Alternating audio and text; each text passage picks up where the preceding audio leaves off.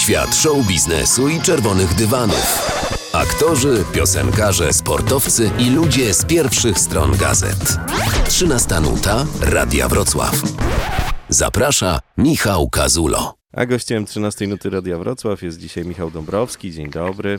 Cześć, dzień dobry, witam. Autor bestsellerowej książki Trener Twojego Psa. Przez wielu jesteś uznawany za jednego z najlepszych behawiorystów w Polsce.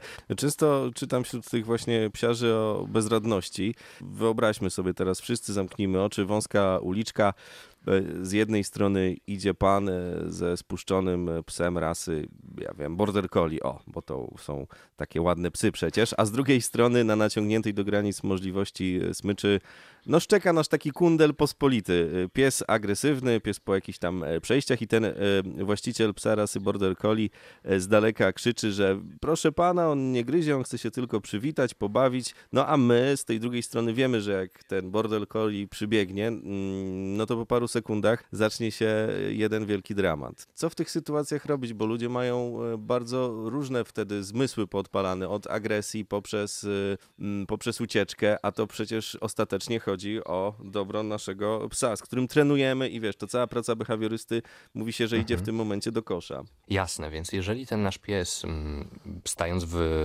roli tego opiekuna z tym kundelkiem, który szczeka tak agresywnie na tej smyczy, w niego się na początek wcielmy, e, Chociaż to ciekawe, bo najczęściej to właśnie te bordery na osiedlu mają większe problemy. Ciekawe, że to odwróciłeś.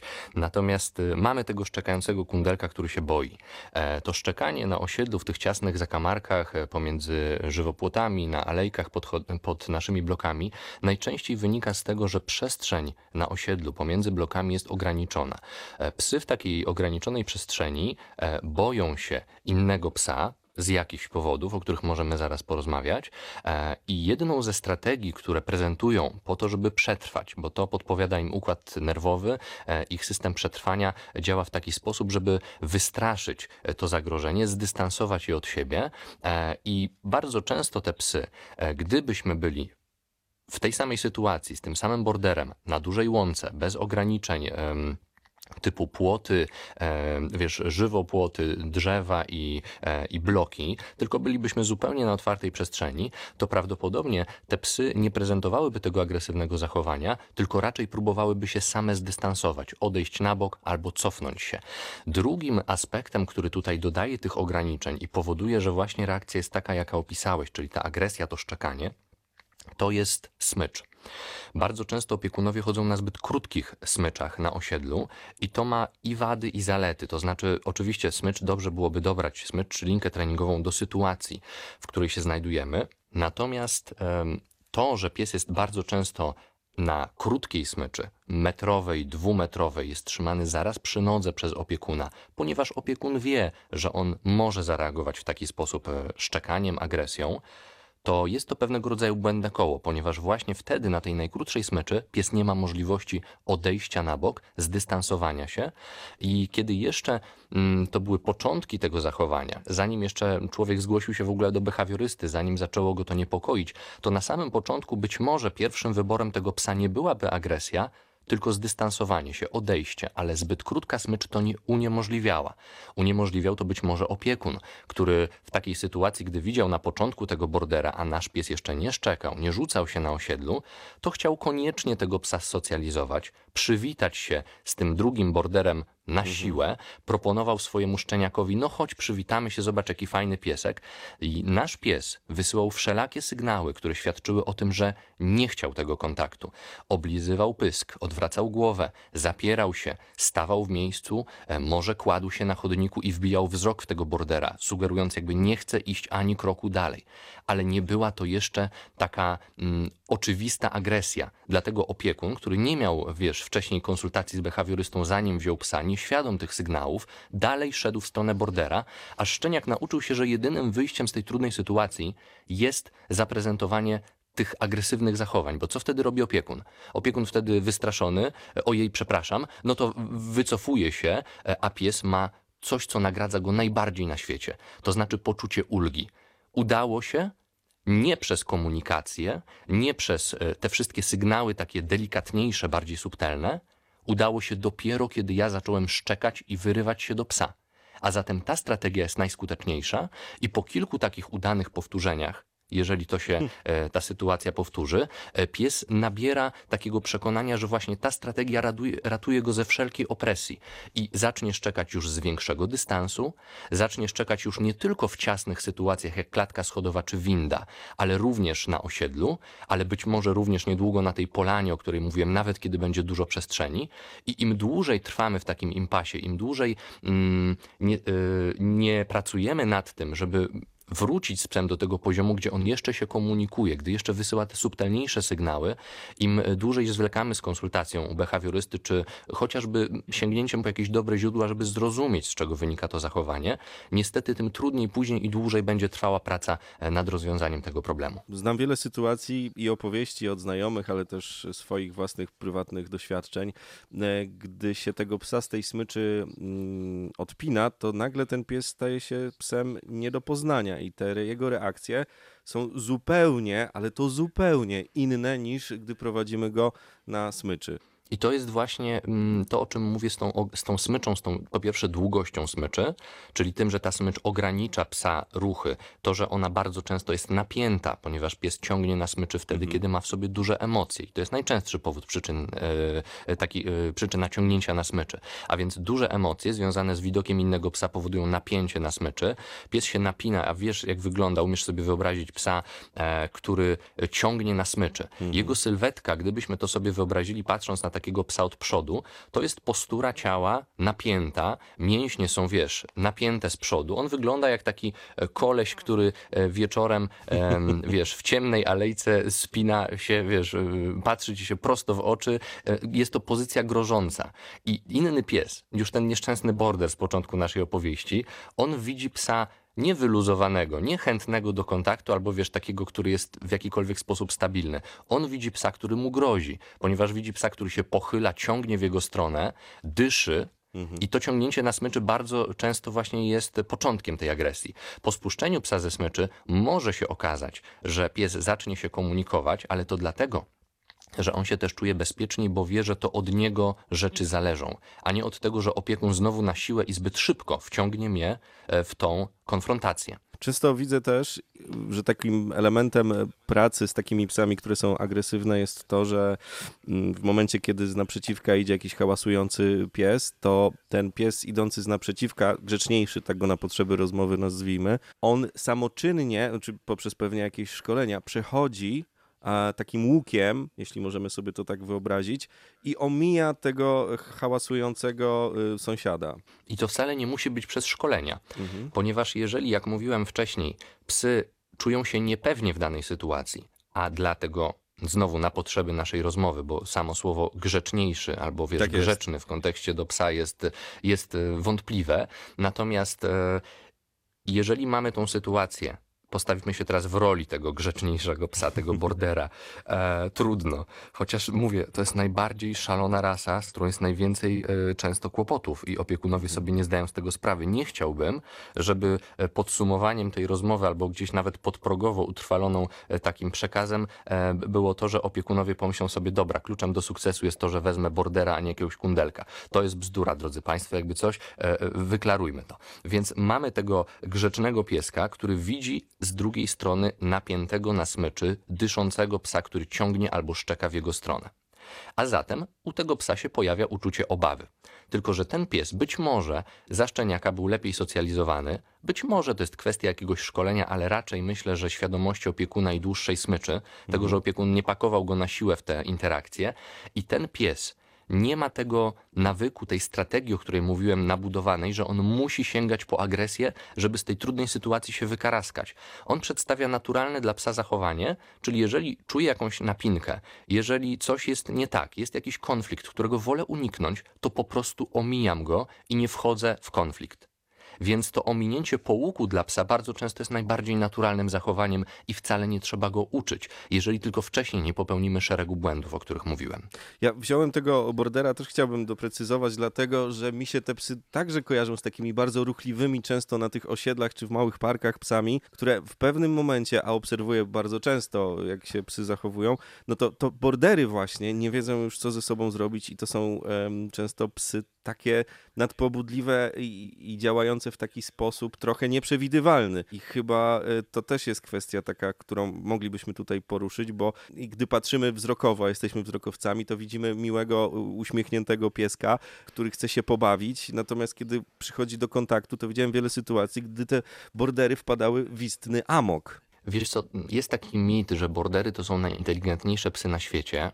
Prawdą jest to, że bordery wyjątkowo szybko uczą się schematów. E, ze względu na selekcję i dobór tej rasy, one mają pewne swoje określone potrzeby, których jeżeli opiekun nie jest świadomy i bierze sobie takiego psa, jak powiedziałeś, tylko dlatego, że ładnie wygląda i się, i się uśmiecha, Albo dlatego, że opiekun przeczytał wcześniej w internecie, że to jest taka mądra rasa i nie daj Boże, Że, sama, że się sama wychowuje, e, wiesz, i że od razu będzie grzeczna, no to niestety może to się okazać potężny strzał w kolano, ponieważ te bordery mają potrzebę bardzo, bardzo różne potrzeby i bardzo dużo tych potrzeb. Bardziej świadomy opiekun, który już coś poczyta przed wzięciem psa, e, dowie się, że ten border potrzebuje bardzo dużo ruchu, bardzo dużo aktywności. Ja często, wiesz, idąc nawet z moim seniorem, 13-letni Nero mój, on już ledwo tupta po osiedlu, co nie? Bo on mhm. już ma problemy z kręgosłupem, tam z, e, z kolanami i tak dalej, ale żyje sobie w komforcie największym, na jaki nas stać i idziemy sobie czasami po osiedlu e, i ktoś tam widzi, wiesz, wie, że to border, ale nie wie, że to jest senior, bo, bo tego nie dostrzega. O, te psy to dużo ruchu potrzebują pan to musi dużo na spacery chodzić, co nie? Tego mhm. typu teksty słyszę. I to już jest jakiś poziom świadomości, ok, te psy potrzebują dużo aktywności, ale kolejny Mm, etap takiej świadomości, pracy z takim psem i od czego ja zawsze zaczynam e, z borderowymi szczeniakami, kiedy ktoś się do mnie zgłasza, to jest to, że trzeba zacząć naukę z tym psem od nauki umiejętności, którą jest odpoczywanie. Ponieważ te psy zostały stworzone i wyhodowane przez lata selekcji do ciężkiej pracy. One są niezwykle wytrzymałe. One mają jako jedyne psy taką cechę wzmocnioną, która z angielskiego nazywa się will to please i to jest kwestia tego, że one mogą pracować nie za smaczki, nie za wypłatę w postaci zabawki. One będą zadowolone z samego e, opiekuna, który się cieszy z dobrze wykonanej pracy. One chcą nas uszczęśliwić i jeżeli my im powiemy, że jest dobrze zrobione zadanie, my im damy kolejne polecenie, no to one będą to wykonywać i czasami da się takiego psa zapracować. W związku z tym, żeby tego uniknąć, e, to nie bierzemy takiego psa i żeby go w cudzysłowie dobrze zmęczyć, to rzucamy mu frisbee po 40 raz na spacerze, albo piłeczkę, albo biegniemy z nim kolejny kilometr. Te psy trzeba najpierw nauczyć wyciszać się po tych aktywnościach, bo one nie mają problemu, żeby w te aktywności wchodzić, żeby je rozpoczynać i inicjować. One mają później bardzo duży psychiczny problem, jeżeli je e, zafiksujemy na te zabawy i aktywności, żeby się z nich e, wydostać, żeby wrócić do domu i zamiast po raz setny przynieść ci piłeczkę pod nogi, to położyć się i po prostu w spokoju odpocząć. E, wiesz, w spokoju zasnąć. E, I to jest bardzo ważna umiejętność u borderów, której e, początkujący opiekunowie nie rozumieją. Bardzo dużo chcą zrobić dobrego z tymi psami, bardzo ciężko z nimi trenują. Mhm. No i niestety potem się kończy na różnych fiksacjach i na tym, że pies nie potrafi w domu odpoczywać, tylko wiesz, czy goni cienie, czy każdy dźwięk powoduje jego pobudzenie. Wiesz, dzwonek do drzwi, zapukanie, ptaszek na balkonie i każdy najmniejszy trigger odpala e, aktywność tego psa, odpala jego pobudzenie i bardzo trudno jest się psu wyciszyć. A sam odpoczynek niezależnie już od rasy, jest jedną z najważniejszych potrzeb behawioralnych psów. Więc jeżeli ja na przykład jadę na konsultację do psa i badamy sobie, czy wszystkie potrzeby są zaspokojone, to jednym z moich pytań jest to, ile pies w ciągu doby śpi, ile czasu on odpoczywa, czy ma takie miejsce dla siebie, żeby odpocząć w ciągu dnia w domu, spokojnie, bez hałasów, bez, e, wiesz, e, dzieci biegających z zabawkami mu nad głową i próbujących się cały czas z nimi pobawić, bo jeżeli ta potrzeba jest w, w niedoborze, no to wyobraź sobie, dlaczego ktoś może być zły w ciągu dnia, poddenerwowany, zestresowany, jeżeli nie dosypia w ciągu nocy, albo jeżeli cały czas śpi na niewygodnym łóżku i na niewygodnej poduszce i co rano budzi się e, z taką chęcią, że on jeszcze chciałby pospać, co nie? Jakby to mhm. jest, to nie, niedobór tej potrzeby odpoczynku później może być e, przyczynkiem do kolejnych problemów behawioralnych, między innymi nawet tego szczekania na osiedlu i tego, że psy są bardziej drażliwe wychodząc na spacer, bo są po prostu podenerwowane przez to, że się nie wyspały. A wróćmy jeszcze do tej agresji konkretnie, bo wyczytałem gdzieś y, że agresja jest bardzo trudna, jeśli chodzi o pracę z psami i taka trochę też zero-jedynkowa, ponieważ można na przykład trenować pewne schematy, uczyć psa konkretnych zachowań i siebie także. W momencie, kiedy mamy sytuację, w której no właśnie, nie mamy wpływu na to, co się dzieje w oku, czyli jesteśmy gdzieś w lesie, trzymamy psa na lince i, i dajemy mu tą swobodę ruchu, jest wszystko dopracowane, a z naprzeciwka nadbiega jakiś przeciwnik, który mm, szkolenia w życiu żadnego nie przeszedł, tylko jest puszczonym w lesie y, psem. No i dochodzi do tej walki, tak? To wtedy mm, podobno kasuje się ten cały proces, który my mm, przez wiele żmudnych miesięcy przechodziliśmy z naszym pupilem. Kasuje to dużo powiedziane, ale rzeczywiście mm, obserwujemy takie regresy u psów, które pracują, wiesz, długo nad problemem przede wszystkim strachu, bo większość zachowań agresywnych u psów, jak już wcześniej powiedziałem, wynika z tego, że to jest strategia w odpowiedzi na strach. Jeżeli nasz pies jest mm, przerażony widokiem innych psów, zwłaszcza tych, które podbiegają do niego luzem, to właśnie tą strategię agresji prezentuje po prostu po to, mówiąc, wiesz, prostymi słowami, żeby przetrwać. On chce wyjść z tej sytuacji cało i nauczył się, że ta, to rzucenie się, to agresywne szczekanie, to kłapanie zębami jest wyjściem z opresji i on w ten sposób się uratuje. W związku z tym, jeżeli zdarzają się takie sytuacje zagrożenia, właśnie jak mówisz, e, klasyczny odbiegacz w parku czy w lesie, gdzie my chcieliśmy zadbać o jak najlepsze środowisko, mm. o jak najlepsze warunki, o to, żeby nie zdarzyła się taka sytuacja, na którą nasz pies jeszcze nie jest gotów, E, i wtedy ona się wydarza, czyli ktoś puszcza psa luzem, on podbiega do nas i, i to mleko się wylewa, to rzeczywiście tutaj cofamy się w tym treningu e, i to jest kolejna taka sytuacja, która w tej naszej statystyce spacerowej e, daje taki duży minus w tej naszej pracy i cofa nas o, o, o kolejnych parę kroków. Rzeczywiście, więc tylko to nie jest tak, że mm, my pracujemy tylko i wyłącznie z takimi psami, nad unikaniem takich zagrożeń, bo jest szereg rzeczy, które w takiej terapii psa agresywnego się podejmuje, żeby, żeby pomóc mu w rozwiązaniu tego problemu. Skoro powiedziałem, że ta agresja najczęściej wynika ze strachu, to jednym z takich elementów jest budowanie pewności siebie u psa. I jest wiele m, mm, aktywności, które mogą sprzyjać temu. To jest po pierwsze zaspokojenie wszelkich potrzeb e, behawioralnych. Tutaj mówiłem o tym odpoczynku chociażby, więc sprawdzenie w jakim stopniu te różne potrzeby są zaspokojane, e, zaspokajane. E, kolejna aktywność e, to jest między innymi nosework, czyli praca węchowa, mhm. która bardzo sprzyja budowaniu pewności siebie u psów, e, a przy okazji znowu zaspokaja wiele e, aktywności i e, potrzeb z tak zwanego łańcucha łowieckiego, czyli pies w trakcie nosworka tropi, namierza konkretne obiekty, później oznacza próbkę, czyli pokazuje tu w tym miejscu jest schowany zapach i w związku z tym rośnie jego pewność siebie, bo to też jest taka aktywność, gdzie to pies ma przewagę nad człowiekiem. My nie wiemy, gdzie ta próbka jest schowana, pies nam to pokazuje, my jesteśmy ślepi w zasadzie porównując się, wiesz, do, do, do psiego węchu, e, w tym kontekście zmysłu zapachu. E, kolejną aktywnością może być fitness i budowanie e, psiej pewności siebie poprzez budowanie świadomości ciała, poprzez świadomość łap. Bardzo dużo psów, które trafia do mnie jako szczeniaki, mają takie ćwiczenia kojarzysz może takie książeczki sensoryczne dla dzieci, które Oczywiście. można dostać w różnych księgarniach. Wiesz, każda strona jest z innego materiału, po to, żeby tą sensorykę zbudować. E, mówi się o tym coraz więcej na szczęście u psów. Różne faktury, różne powierzchnie łapek, jeżeli e, pod łapki podłożymy psom w okresie szczenięcym, już to pracuje na ich pewność siebie w przyszłości i psychikę. E, I wyobraźmy sobie teraz sytuację. Mamy szczeniaka, który ma trzy miesiące kwarantanny, ponieważ pan weterynarz tak powiedział, że nie można wychodzić, bo pies nie wiem, e, dostanie jakiejś fatalnej choroby, jeżeli wyjdziemy na spacer z psem. E, możemy zaraz to pogłębić, żeby nie było, że upraszczam temat, ale jeżeli dostaliśmy takie zalecenie i e, w naszym mieszkaniu mamy tylko i wyłącznie pokoje i pomieszczenia wyłożone drewnianymi panelami, to przez pierwsze trzy miesiące życia ten szczeniak będzie chodził tylko i wyłącznie po drewnianych, śliskich panelach, a to, co powinien zrobić opiekun w takiej sytuacji, to zapoznać go ze żwirkiem, z piaskiem, e, z betonową ścieżką, z brukowanym dziedzińcem, z kałużą, e, nawet folię bąbelkową czy folię aluminiową wtedy przynoszę na takie zajęcia dla szczeniaków, po to, żeby psy chodziły po przeróżnych, miękkich, twardych, śliskich i tak dalej powierzchniach, żeby budować tę sensorykę i to też robimy później już, co ma znacznie mniejszy efekt, patrząc na skalę, u dorosłego psa, który się boi i który pracuje nad pewnością siebie, ale tego typu ćwiczenia również mogą pomóc mu w budowaniu śmiałości. I jeszcze kolejna sprawa, no to, to są spacery równoległe, czy takie spotkania socjalizacyjne, gdzie nie tylko staramy się na spacerach naszych zwykłych, y, regularnych unikać zupełnie innych psów e, i chować się przed nimi po krzakach. Ja już słyszałem, że niektórzy to zarzucają, mm, tacy trenerzy, którzy innymi metodami pracują, którzy wolą tłumić zachowanie niż rozpracować, wiesz, z czego ono wynika i pomóc mhm. zrozumieć psu, na czym świat polega, e, to, e, to słyszałem taki zarzut, że no nic nie zostaje, tylko się chować po krzakach z tymi naszymi psami agresywnymi, tylko jak idzie pies, to uciekać od razu w drugą stronę. Nie do końca, bo w trakcie takiej terapii powinniśmy się spotykać na spotkania takie socjalizacyjne czy spacery równoległe z innymi psami, które są stabilne, które są najważniejsza cecha przewidywalne i miałem ostatnio dwa dni temu taki spacer, bo mam taką podopieczną Maltę. E, pozdrawiam Was, jeżeli słuchacie opiekunowie Malty.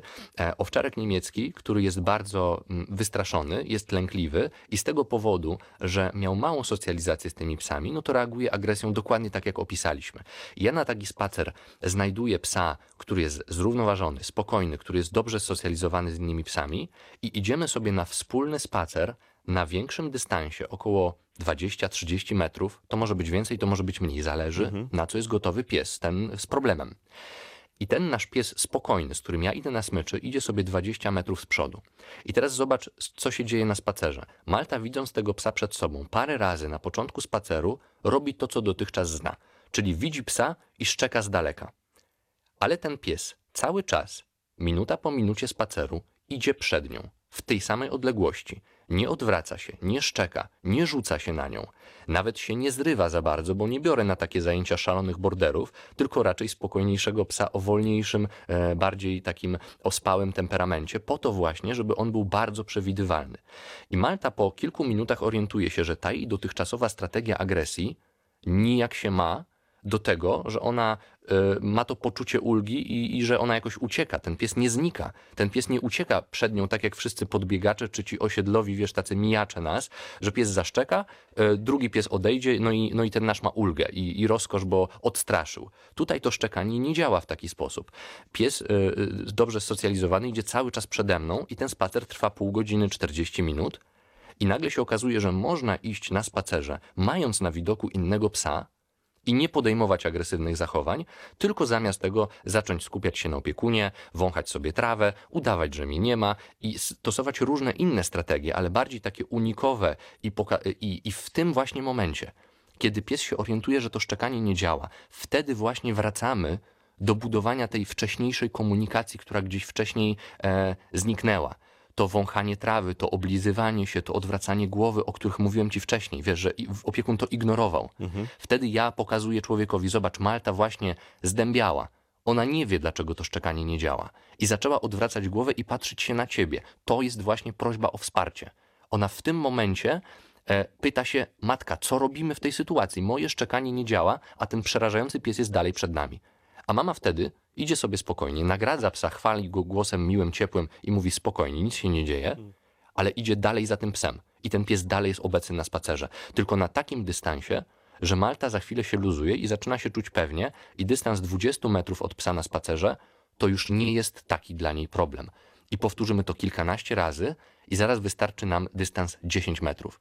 I w ten sposób po dwóch spacerach ostatnio z Maltą, tylko pod okiem, wiesz, doświadczonego opiekuna mhm. I, i mnie też przy okazji, e, udało się nam po dwóch spacerach iść z psem agresywnym do psów wyjątkowo, który okazało się po prostu się bał hmm. i był tchórzem, ale 4 metry od tego psa, którego ja wybrałem na spacer i szliśmy sobie równolegle ścieżką, która miała 4 metry szerokości. Jeden szedł poboczem po jednej stronie, drugi po drugiej i szły obok siebie. A Malta była tylko skupiona wyłącznie na tym, żeby udawać, że nie istnieje, bo trochę ją stresowała obecność tego drugiego psa, ale zaczynały się pojawiać takie sygnały ciekawości. Kurde, skoro on się na mnie nie rzuca, skoro nie jest straszny, to może ja go powącham, może ja zobaczę, kto on jest. E, powącham sobie e, siki, które zostawił, wiesz, na krzaku tutaj z boku. Zbiorę te wszystkie informacje i tam się pojawia ciekawość. I oczywiście w tym procesie, jeśli teraz nam się pojawi podbiegacz na takim spacerze, podbiegnie do Malty i przekuje tej, tą jej bańkę bezpieczeństwa, to co żeśmy nabudowali, to będzie regres. Ale jeżeli mm, kontrą do tego będzie kilkanaście takich spacerów, które odbędziemy w spokojnym towarzystwie, to Malta nagle zaczyna nabierać pewności, okay, nie każdy pies jest śmiertelnym zagrożeniem. Nie na każdego muszę się rzucać. A jak do tego dodamy motywację budowaną na opiekunie i zaufanie do opiekuna, no to zaczynamy budować u psa coś takiego, że jak się czuje niepewnie, to nie podejmuje sam akcji i agresji, tylko odwraca się do opiekuna i pyta: Mama, co z tym robimy? Wyprowadź mnie z tej sytuacji, proszę. I jeżeli tylko człowiek jest świadom tego odwrócenia się psa z tym wzrokiem konkretnym, który prosi o dystans i wycofa się rzeczywiście w porę, to nie musimy uciekać w popłochu, w krzaki i za żywopłot na widok każdego psa, tylko wystarczy, że powiemy spokojnie i przejdziemy na drugą stronę ulicy i mamy po problemie. Tylko wymaga to dużej świadomości i wiedzy, którą możemy dostać, wiesz, z dobrych źródeł no, albo od osób, które są doświadczone w tym temacie. No to jest piękna historia i gratuluję Ci sukcesów, ale mm, pozwolisz, że przedstawię jeszcze jeden, być może bardzo skrajny przypadek tej agresji. Mianowicie, bo powiedziałeś o tym, jak zachowuje się człowiek, czyli właściciel, to też jest bardzo ważne, ta nasza mowa ciała, nasza pewność i tak dalej. Co w wypadku, gdy mm, dochodzi do zagrożenia jednak życia tego naszego czworonoga, gdy do psa wagi 15 kg podbiega pies wagi 60 kg i mamy tutaj realne zagrożenie, że się zaraz zdarzy naprawdę coś złego. Tutaj w komentarzach różnych i w tych teoriach tych, którzy uciekają i nie konfrontują się z tym i, te, i są po prostu przestraszeni, bo te emocje ich dopadają, ten lęk, no pojawiają się takie schematy działania jak posiadanie przy sobie gazu pieprzowego, czy też niektórzy nawet piszą o paralizatorach. Więc tu poruszamy już osobny blok e, tematyczny, to znaczy jak reagować na e, podbiegacza, aby, e, aby mm, ustrzec się przed niebezpieczeństwem. Tak. I, to jest, I to jest temat rozwlekły, więc ja tutaj powiem, to zależy. I jeśli pozwolisz, to już to rozbudowuję. Pierwsza sprawa, gaz pieprzowy czy no, paralizator. Z tym się rzadziej spotykam. Rzeczywiście bardzo często na grupach o tym gazie pieprzowym można przeczytać. E, trzeba być bardzo ostrożnym z tego typu narzędziem. Mamy prawo użyć do samoobrony takiego gazu, jeżeli jest uzasadnione e, to, że wiesz, że ten pies, który biegnie do nas, może zrobić krzywdę nam albo naszemu psu. I rzeczywiście taka możliwość istnieje. Natomiast znam kilka historii, w których opiekun w takiej bardzo emocjonalnej sytuacji, kiedy pierwszy raz wystraszył się takiego psa, a był uzbrojony w taki gaz, e, albo nie wiedząc zupełnie jak tego gazu użyć, bo nie przetestował tego wcześniej, mhm. trafił w swojego psa, albo trafienie tym gazem w tego psa e, naprzeciwko tylko go dodatkowo rozjuszyło, bo zamiast trafić tam, gdzie powinien, to na przykład trafił gdzieś tam w plecy, czy, czy wiesz, w, w zadek tego psa i pies po prostu jeszcze bardziej się pobudził. E, w skrajnych przypadkach słyszałem, że opiekun czasem sam, sam sobie potrafi zrobić krzywdę tym gazem, jeżeli nie wie, jak go dobrze użyć. Więc jeżeli już sięgamy po takie narzędzia, błagam, przećwiczmy to i wiedzmy, jak tego używać najpierw, zanim, bo ma to różny rozstrzał, różny rozrzut i możemy również naszego psa w taki sposób skrzywdzić. Jeżeli mówimy o sytuacji, w której nasz pies jest znacząco mniejszy, a biegnie na nas bardzo duży pies i jesteśmy w stanie wywnioskować, że ten pies biegnie z bardzo niefajnym zamiarem zrobienia naszemu psu krzywdy, albo nie mamy takiego doświadczenia, nie mamy pojęcia z jakim zamiarem ten, nas, ten drugi pies biegnie, ale jest wielki, e, my nie mamy pewności i chcemy, żeby na pewno było bezpiecznie, to jeżeli mamy malucha, takiego psiaka, który jest znacząco mniejszy, to ja wówczas rekomenduję w takiej sytuacji po prostu wziąć psa na ręce. E, I niektórzy się, mm, niektórzy się z tym nie zgadzają, niektórzy mówią, że to jest bzdura. Znam nawet takie złośliwe gdzieś tam TikToki czy e, filmiki na Instagramie, gdzie mm, jest taki krytyczny e, wideo, nie wiem czy widzieć takie komediowe, jak by wyglądało życie na spacerach, gdyby opiekunowie dużych psów zachowywali się tak jak opiekunowie małych, czy tam ciułała. I idą takie dwie kobiety z owczarkami niemieckimi e, i na smyczy i w pewnym momencie tam zaczynają piszczeć, krzyczeć i biorą te 40-kilowe psy, wiesz, na ręce i tam biegną na pobocze. Tylko, że to jest złośliwość, która wynika z niezrozumienia problemu. Bardzo często e, problemy tych małych e, psiaków e, i problemy opiekunów tych psów są bagatelizowane. E, I wyjaśniam. E, jestem teraz w trakcie takich konsultacji, bo moje konsultacje trwają po kilka spotkań. Ja nigdy nie udzielam takich pojedynczych, wiesz, spotkań, Jasne. tylko jakby pracujemy przez miesiąc z psami po to, żeby dojść do jakiegoś konkretnego efektu. I polecam też tę formę zawsze specjalistom, których uczę, czy, czy trenerom, czy behawiorystom, żeby e, starali się jednak e, na taką formę, mm, bo wtedy wiemy, jakie są rezultaty, możemy ewentualnie zmienić plan i tak dalej, i tak dalej, jeżeli coś nie działa. Natomiast pracuję teraz z takimi opiekunami dwóch ciułała właśnie i te psy mają dokładnie ten sam problem, co Malta, którą opisałem przed chwilą, i y, ten sam problem ze szczekliwością, ze strachem do innych psów. Tylko ty idąc, załóżmy ze swoim borderem, z naprzeciwka, jak widzisz 40-kilogramowego owczarka niemieckiego, który rzuca się na ciebie z agresją i szczeka, ale tylko dlatego, że się boi, to ty czujesz przed tym psem respekt. To ty tego psa ominiesz bardzo daleko, nawet jak ten opiekun cię nie chce ominąć, to ty się oddalisz, bo czujesz zagrożenie, bo ten pies może naprawdę wyrządzić fizycznie Tak. krzywdę. A w momencie, kiedy dwie ciułały na smyczach prezentują dokładnie to samo zachowanie, wynikające dokładnie z tych samych emocji, jest to ten sam gatunek, to przez to, że one są 60 razy lżejsze, mniejsze, opiekun tego bordera przechodzi uśmiechając się i idzie z tym borderem dokładnie na wprost na te dwie ciułały. Oczywiście. I one wchodzą w jeszcze większe emocje, one są jeszcze bardziej przestraszone, a opiekun tych dwóch psów najczęściej wraca do domu e, i płacze z bezsilności, ponieważ po raz kolejny e, chciał dobrze, wiedział jak to dobrze zrobić, ale nie wiedział, e, znaczy nie miał mocy nad tym opiekunem z naprzeciwka, który ma to po prostu w dupie. Tak.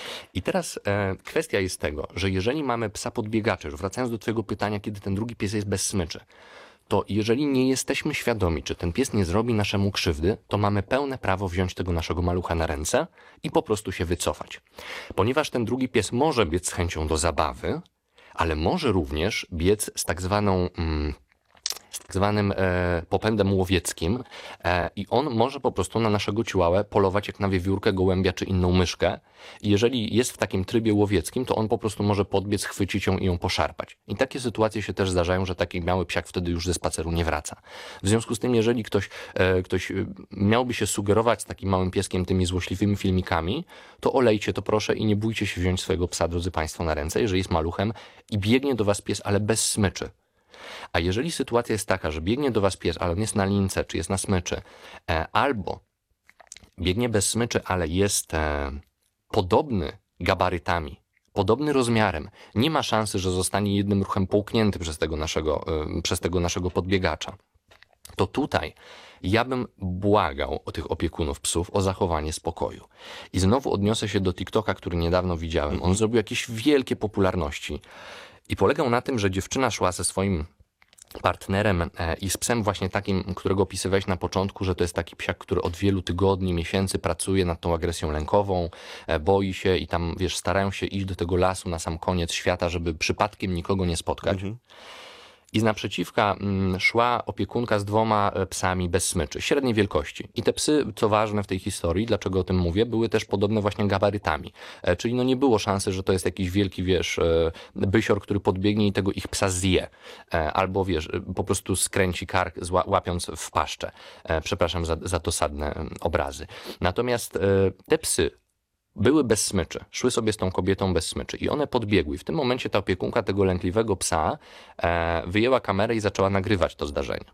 Tylko, że mm, problem w tym zdarzeniu wyglądał tak, że ona zaczęła, em, po pierwsze poprosiła partnera, żeby trzymał bardzo krótko tego swojego psa na smyczy. On go trzymał tam, zdaje mi się, między nogami albo tuż przed sobą, bardzo blisko na krótkiej, napiętej smyczy. A z drugiej strony ta kobieta z tym telefonem em, bardzo dramatycznie zaczęła krzyczeć na cały las.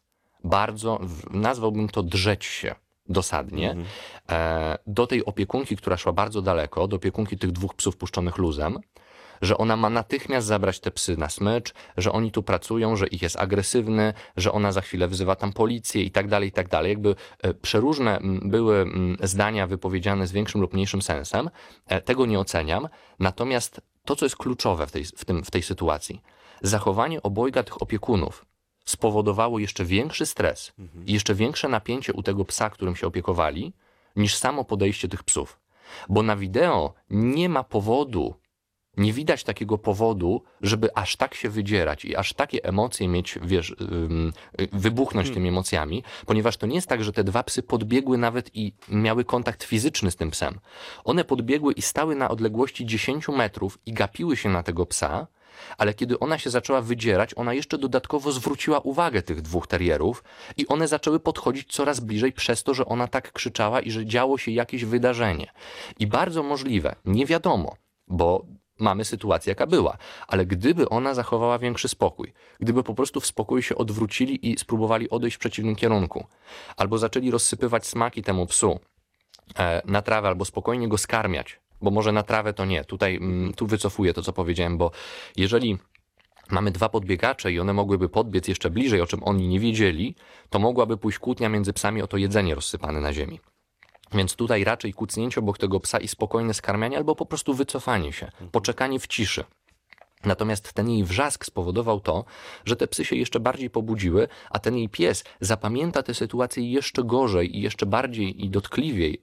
Wiesz, to będzie gorszy ładunek emocjonalny idący z tą historią, e, niż gdyby ona po prostu zachowała spokój, tym spokojem się mm, w cudzysłowie, ale podzieliła e, z tym psem, tak? To nie jest tak, że mm, to jest tak proste jak powiedzenie, że ty bądź spokojny, to pies też będzie spokojny. Nie, ale ten wrzask był zupełnie niepotrzebny. Więc bardzo często robienie takiej e, dodatkowej dramaturgii e, i wiesz, i takiego rejtana po prostu, darcie się na cały park po to, żeby e, ktoś odszedł ze swoim psem, jest szkodliwe wręcz dla naszego psa. Lepiej wtedy zachować spokój, mieć świadomość, że człowiek popełnia błąd i mm, nie jest zbyt kulturalny, bo dobra etykieta i o tym powiedzmy sobie, bo to jest ważne, żeby mm, to wybrzmiało. Jeżeli idziemy w parku na smyczy z naszym psem, to opiekun widzący taką sytuację z naprzeciwka, a biega ze swoim psem bez smyczy, jeżeli chce się z nami minąć, powinien zapiąć swojego psa na smycz.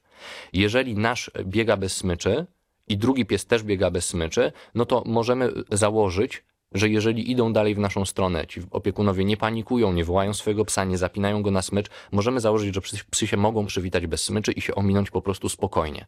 Natomiast jeżeli widzicie, drodzy Państwo, psa naprzeciwko, który jest na smyczy, to zapinajcie swojego też na smycz, albo omińcie większym łukiem, pozostawcie większą przestrzeń temu psiakowi, ponieważ być może ten pies pracuje i nie bez kozery jest w tym momencie na smyczy. Mówisz, e, No o, mówisz o tym, żeby mm, wziąć psa na ręce, no ale jak leci na nas ten e, wielki pies naprzeciwka, to przecież jest nadal zagrożenie, że, ten, że rzuci się też na nas, prawda? No to jest, y, a jeszcze będzie na, w tym trybie łowieckim, jak skomentowałeś. Wiesz co, y, tak, jeżeli on będzie w trybie łowieckim, to musimy bezwzględnie wziąć psa na smycz, bo on wtedy poluje na, na, na psa, a nie na nas. To jakby jest, y, to jest ważna sprawa, żeby to zrozumieć. On być może będzie wtedy podskakiwał, ale próbując złapać psa, są takie filmiki też na No YouTubie właśnie. można znaleźć, jak, y, jak w Ameryce to się często dzieje, bo jakiś y, psiak typu ból, które są wspaniałe. Teriery bólowate są cudownymi psami. E, I znowu z nieświadomości opiekunów i z błędów wychowawczych wynika to e, i wiesz, z takich durnych, że tak powiem, nagłówków medialnych e, wynika nagłaśnianie akurat takich spraw, gdzie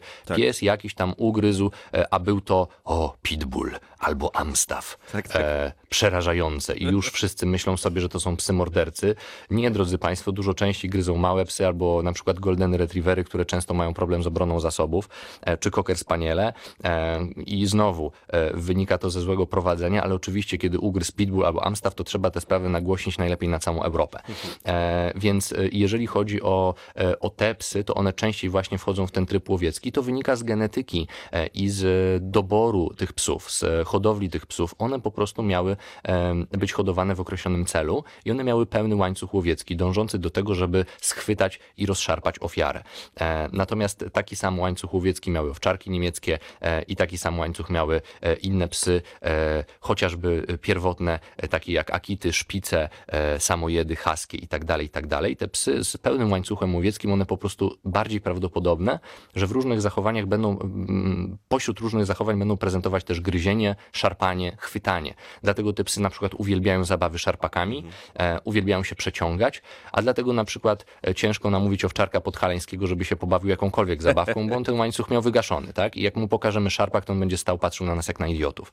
Natomiast e, te, te kwestie mm, związane z tymi, z tym braniem na ręce, jak mówisz, ja tutaj bym odpowiedział w taki sposób, że te sytuacje, kiedy my już weźmiemy naszego małego pieska na ręce i pies wrogo nastawiony, biegnący do nas, miałby zamiar zaprezentować w stosunku do nas jakieś zachowanie agresywne, to jest naprawdę absolut, absolutnie minimalny margines. Okej. Tylko, że problem jest taki, że te sprawy zawsze są najbardziej nagłaśniane. To znaczy są osoby, e, czy, czy, czy właśnie media, które biorą taką jedną sprawę, wiesz, na rok, nagłaśniają ją do takiego stopnia, wracają często do nich w różnych anegdotach, popierają te argumenty i to narosło do takiego pewnego mitu, że wiesz, że my tu weźmiemy psa, to musimy od razu mieć ten gaz pieprzowy, paralizator, a najlepiej to kałasznikowa, po to, żeby, żeby ustrzec się, bo na każdym rogu, na każdym osiedlu, e, za każdym zaułkiem czeka śmiertelne zagrożenie. Nie do końca. Jeżeli wiemy, jak się po tym osiedlu poruszać i zwracamy uwagę na, na te komunikaty naszych psów, no to jesteśmy w stanie przewidzieć, co się w danym momencie wydarzy. Natomiast, e, wiesz, no to jest moim zdaniem nieco rozdmuchane, nie bagatelizuję i współczuję wszystkim, którzy stanęli w, takim, e, w, w takiej sytuacji. Ja przez 13 lat pracy z moimi psami miałem dwa razy taką sytuację, gdzie czułem się w jakiś sposób zagrożony tym, że inny pies do mnie podbiegnie. I e, jak to zostało rozwiązane? W jednym przypadku e, to była sytuacja dosyć luksusowa, to znaczy szedłem z moimi dwoma psami, ale również z moją narzeczoną, pozdrawiam Milena, i było to na, mm, na Podhalu. I były to dwa psy, które pilnowały stada, były to psy stróżujące, które po prostu wyleciały z nieogrodzonej posesji i my szliśmy na spacer, ale mówię, że luksusowa sytuacja, ponieważ byliśmy we dwójkę.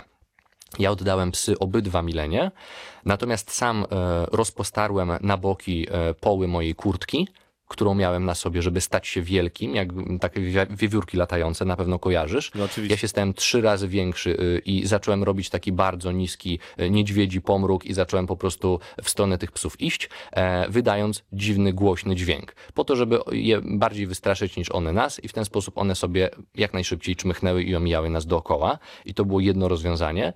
E, Natomiast e, miałem też taką sytuację, to się najczęściej zdarza, jeżeli już na wsiach i to jest sytuacja, kiedy jakiś burek e, wybiegnie, uda mu się zrobić jakiś podkop pod, e, pod płotem, czy, czy na przykład wybiegnie z nie, nieopatrznie zostawionej otwartej bramy czy furtki i wtedy jest kłopot tak naprawdę m, najczęściej, bo to nie są te psy, które są po prostu puszczone luzem w parku, ale które mają zaspokajane potrzeby, tylko to często są te psy, które całe życie spędzają na posesji, są sfrustrowane, ponieważ mm, nie mają zaspokojonych potrzeb związanych ze spacerem, z zabawami, z węszeniem, e, właśnie z tym instynktem łowieckim, o którym mówiliśmy. Mm, Te psy prawdopodobnie często mają zaniedbane poczucie bezpieczeństwa i ten odpoczynek, ponieważ tam się bardzo dużo dzieje, co chwila ktoś przechodzi. One biegają do płotu i szczekają na lewo i na prawo, za każdym rowerzystą, samochodem, e, człowiekiem z psem, który idzie i tak dalej, i tak dalej. I jeżeli taki frustrat na chwilę nam wymknie się z furtki czy z, bramy, to wtedy rzeczywiście jest takie ryzyko, że w pierwszym tym odruchu frustracji podleci i będzie chciał próbować schwycić. Ale to najczęściej znowu y, kończy się na tym, że jeżeli byśmy wzięli takiego naszego małego psiaka na ręce i odwrócili się przodem do tego psa, wysyłając mu taką postawę, wiesz, spokojną, po prostu patrząc się na tego psa, może nieco nad nim, i stojąc sobie spokojnie i stabilnie, w ten sposób możemy się mm, ustrzec przed większością jakichś niebezpiecznych zachowań. Głupotą byłoby w tym momencie na pewno brać nogi za pas i uciekać, ponieważ e, ucieczka i nasz bieg, czy bieg z naszym psem, uciekanie z nim na rękach może spowodować e, taką gonitwę za uciekającym obiektem i może wtedy się skończyć na przykład poszarpaną nogawką. To znaczy pies będzie przekonany, że ta jego em, inicjatywa e, związana z gonitwą działa, bo on przepędza intruza, bo on właśnie nas odgania i jeszcze, żeby sobie połechtać, e, wiesz, to przekonanie, to po prostu może do nas podbiec, hapsnąć nas tak na odchodne.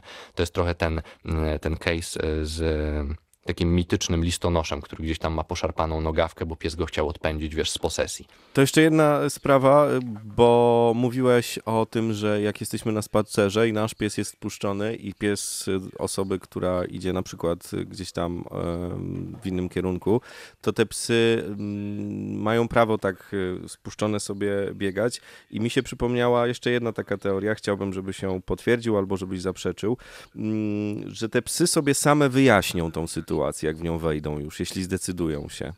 Ulubiona odpowiedź to zależy. Mm, Wiesz co, najczęściej, jeżeli psy są kompetentne e, i dobrze socjalizowane, co ja przez to rozumiem, to znaczy, że ten pies w, na początku swojego życia miał kontakt ze stabilnymi innymi psami, które nie były agresywne, które nie powodowały, nie powodowały u niego lęku, e, nie zapamiętał z psami innymi takich sytuacji, które by się wiązały właśnie ze strachem i zagrożeniem to jeżeli tak, jeżeli ten pies umie czytać sygnały innych psów,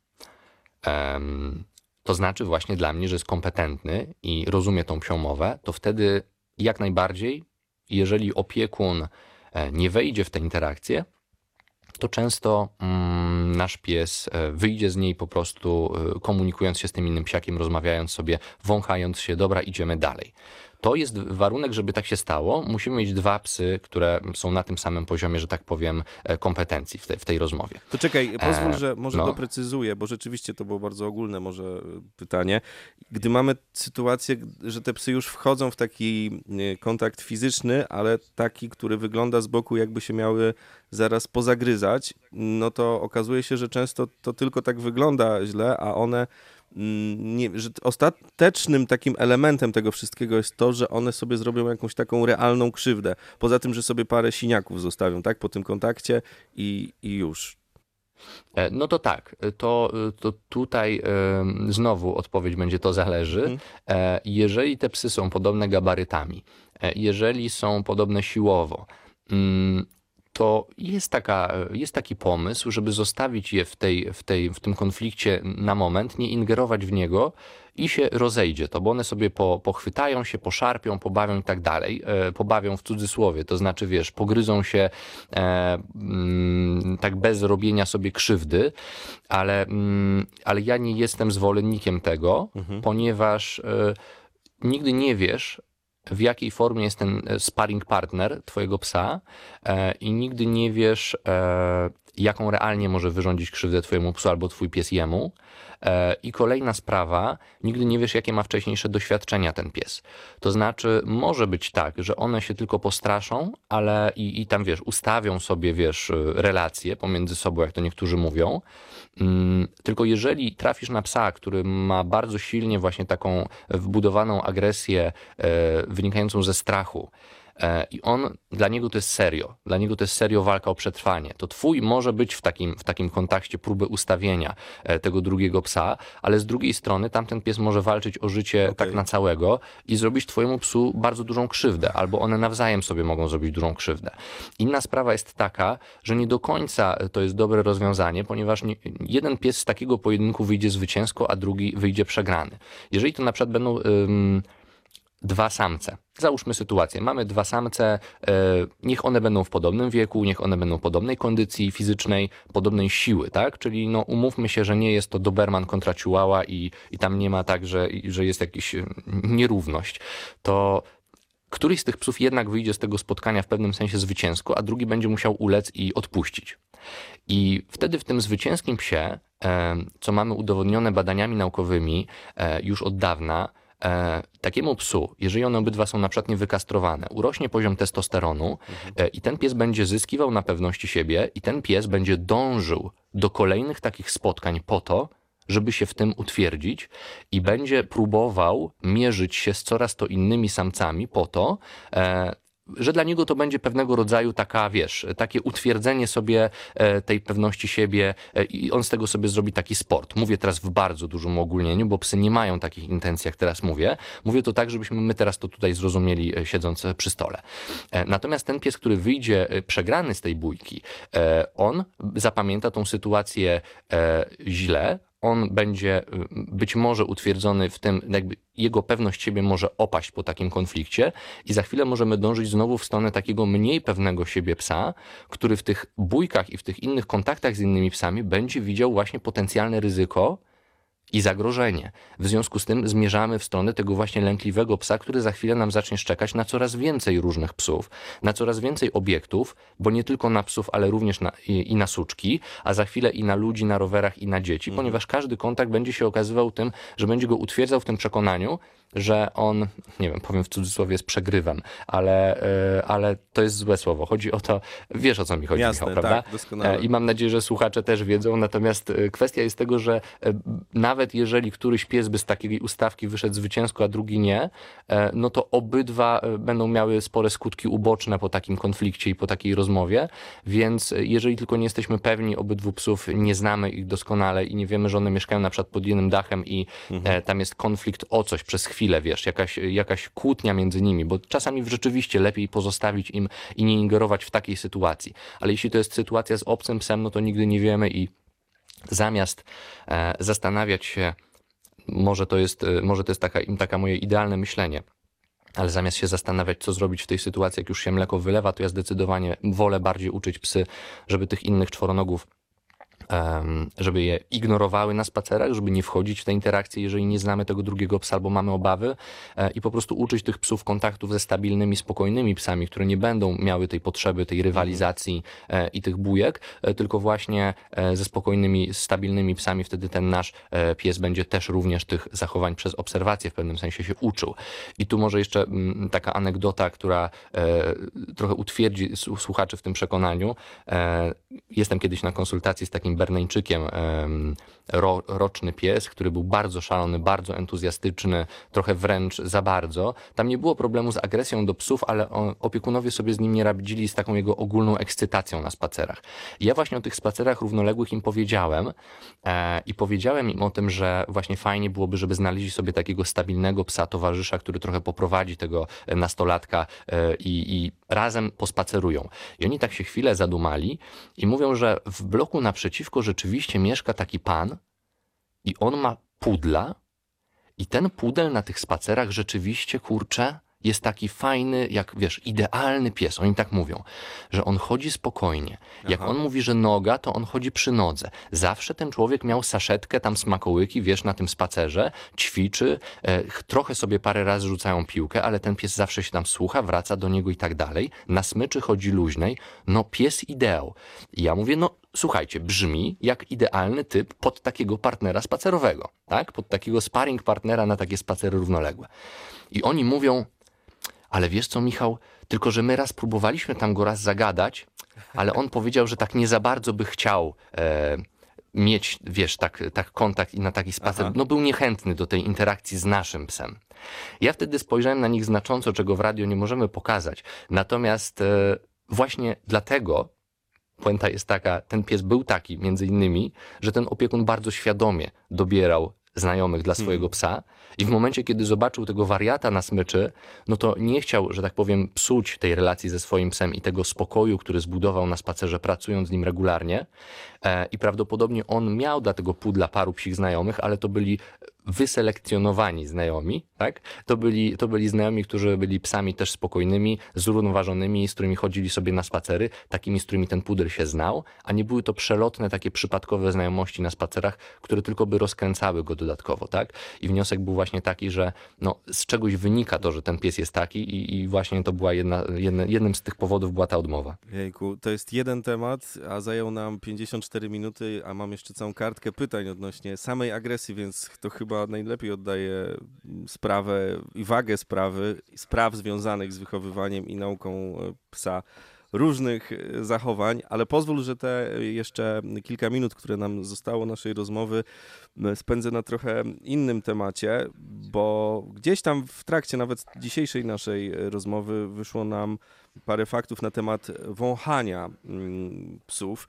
No i mm, to się z reguły zestawia z tym, jakie oczekiwania mają właściciele. No bo e, często mamy sytuację, że po pracy chcemy naładowanie energią, wychodzimy mm, na spacer z naszym pupilem, chcemy zrobić 3 km po lesie, wiesz, pobiegać tym psem, porzucać patyki, a on się zatrzymuje na pierwszym zakręcie, e, wsadza nos e, w trawę i e, tak mija 40 e, minut naszego e, spaceru.